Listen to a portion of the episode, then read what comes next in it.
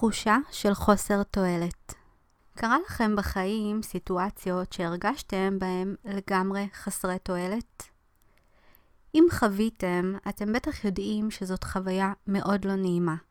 זה פוגע לנו ישר בבטן הרכה.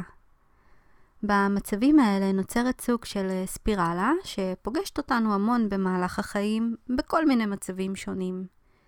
היא בעצם מאפשרת לנו לבחור במסלול המהיר למטה, עם אופציה להתרסקות, והמסלול השני הוא כמובן המסלול המהיר למעלה.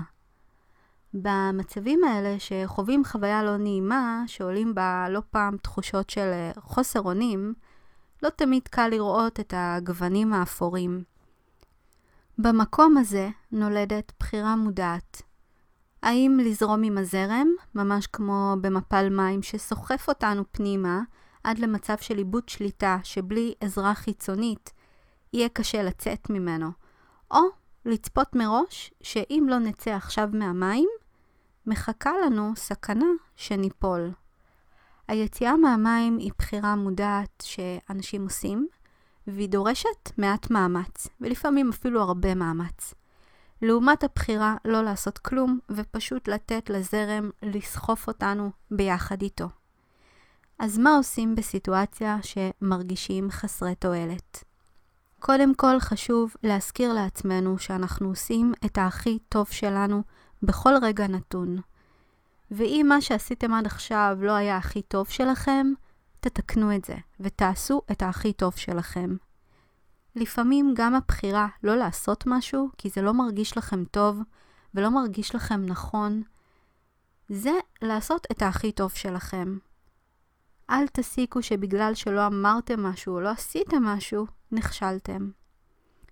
אם אתם שמים לב שיש דפוסים שאתם חוזרים עליהם ואתם uh, בעצם נמנעים ממשהו שחשוב לכם, או שאתם עושים משהו שפוגע במישהו אחר, ואתם מרגישים שעשיתם את הכי טוב שלכם ועדיין זה משהו שחוזר שוב ושוב ושוב, זה הזמן לבדוק את זה רגע מזווית אחרת. יכול להיות שאם תקבלו עזרה חיצונית, אז זה כן יעזור לכם באמת לעשות את הכי הכי טוב שלכם. כי לפעמים אנחנו עושים את הכי טוב שלנו, אבל אנחנו בוחרים מתוך מקום של זה מה שנוח לנו. ולפעמים המקום הנוח והיותר קל, הוא לא בהכרח הטוב והמתגמל ביותר עבורנו ועבור הסביבה. אם אנחנו עושים את הכי טוב שלנו, אבל אנחנו כל הזמן, כל הזמן פוגעים באנשים, אז גם כן פה יש איזושהי בעיה, כן? אז יש מצבים שאנחנו צריכים לקבל עזרה חיצונית, אבל גם אם אתם מזהים שזה המקרה, אל, כאילו, תבינו שאתם עשיתם את הכי טוב שלכם כרגע ביכולת המסוגלות הקיימת. אבל זה לא אומר שלא ניתן לשפר, ובדברים שהם עקרוניים לכם, בדברים שאתם רואים שהסביבה שלכם נפגעת, בדברים שאתם אה, לא כל כך מרוצים מהתוצאה, כי יש משהו שחשוב לכם ואתם נמנעים ממנו שוב ושוב ושוב, אז כן, תדעו לקבל עזרה חיצונית, אבל גם אל תרדו על עצמכם בעקבות זה, אוקיי? כי זה לא, זה לא נכון. אתם עשיתם את הכי טוב במסגרת מה שאתם כרגע, מה שאתם יכולים כרגע. בנוסף, אני רוצה לדבר על הקולות בראש שלנו, שזה הדבר השני שיכול מאוד לעזור. אם זה להיות מודעים לכך שהמוח שלנו אוהב לספר לנו דברים שהם לא בהכרח המציאות. וכבר יצא לי לדבר על זה בפרקים אחרים, אבל זה נושא שהוא כל כך כל כך מהותי. אה, אז כן כדאי לשמוע אותו מהמון המון המון זוויות ולהתייחס אליו. וזה במיוחד אם אתם מוצאים את עצמכם מדברים עליכם בראש בצורה מקטינה, ויש לנו את הנטייה הזאת לדבר על עצמנו בצורה מקטינה. וזאת באמת נטייה טבעית שיש לרוב האנשים, אז אל תרגישו שמשהו בכם דפוק. משהו יפה שלמדתי מאישה בשם אואזיס, שעוסקת בתכנים שקשורים לנשמה, לתודעה, ותכנים שקשורים ליהדות וקבלה, זה שמתי שהקולות האלה מופיעים בראש, אז תשתיקו אותם עם איזשהו קול מצחיק ולא רציני שאתם אומרים לעצמכם בראש כתגובה לאיזושהי מחשבה שלילית שפתאום קפצה לכם. אני לא זוכרת את המשפט המדויק שאואזיס אמרה להגיד, אבל אני אימצתי לעצמי משהו שמשעשע אותי, ואני אומרת לו, כן כפרה, מה אתה רוצה היום? ולמה זה משעשע? כי ביומיום שלי אני לא מדברת אה, סטייל אה, כפרה, כן? אני, זה לא הדיבור שלי. ואז פתאום כשהדבר הזה מופיע לי בראש, כשאני אומרת את זה בראש, זה נשמע לי מצחיק וגורם לי לקחת פחות ברצינות את המחשבות שעלו. אז זה איזשהו כלי שאתם יכולים להשתמש בו. וכמובן שתתאימו את המשפט אליכם, משהו שמצחיק אתכם, משהו שמעלה לכם חיוך. והנה, עכשיו אני מקליטה לכם את זה ואני מדברת, ועלה לי חיוך ברגע שאמרתי כן כפרה, כן, זה מצחיק אותי. Um, הדבר הבא זה תהיו יצירתיים. אפשר להתמודד עם הרגעים הפחות נעימים האלה בצורה מאוד יצירתית. למשל, לכתוב לעצמכם איזשהו שיר קצר ולהלחין אותו, ושהוא יהיה מורכב מכל התכונות הנפלאות שקיימות בכם, ואז תשאירו אותו לעצמכם כשתרגישו צורך. לפעמים דרך שיר דברים הופכים להיות הרבה יותר כלילים, הרבה יותר כיפים, ודרך שיר אפשר לזכור משפטים שלמים, כן? משפטים שכך ביומיום, אם היינו מנסים לשנן, לא היינו כל כך זוכרים. אז דרך, דרך שיר באמת אפשר uh, לעשות את זה בצורה הרבה יותר uh, קלה. ותכלס, אתם גם לא צריכים להלחין את זה אם אתם לא עכשיו uh, יודעים להלחין.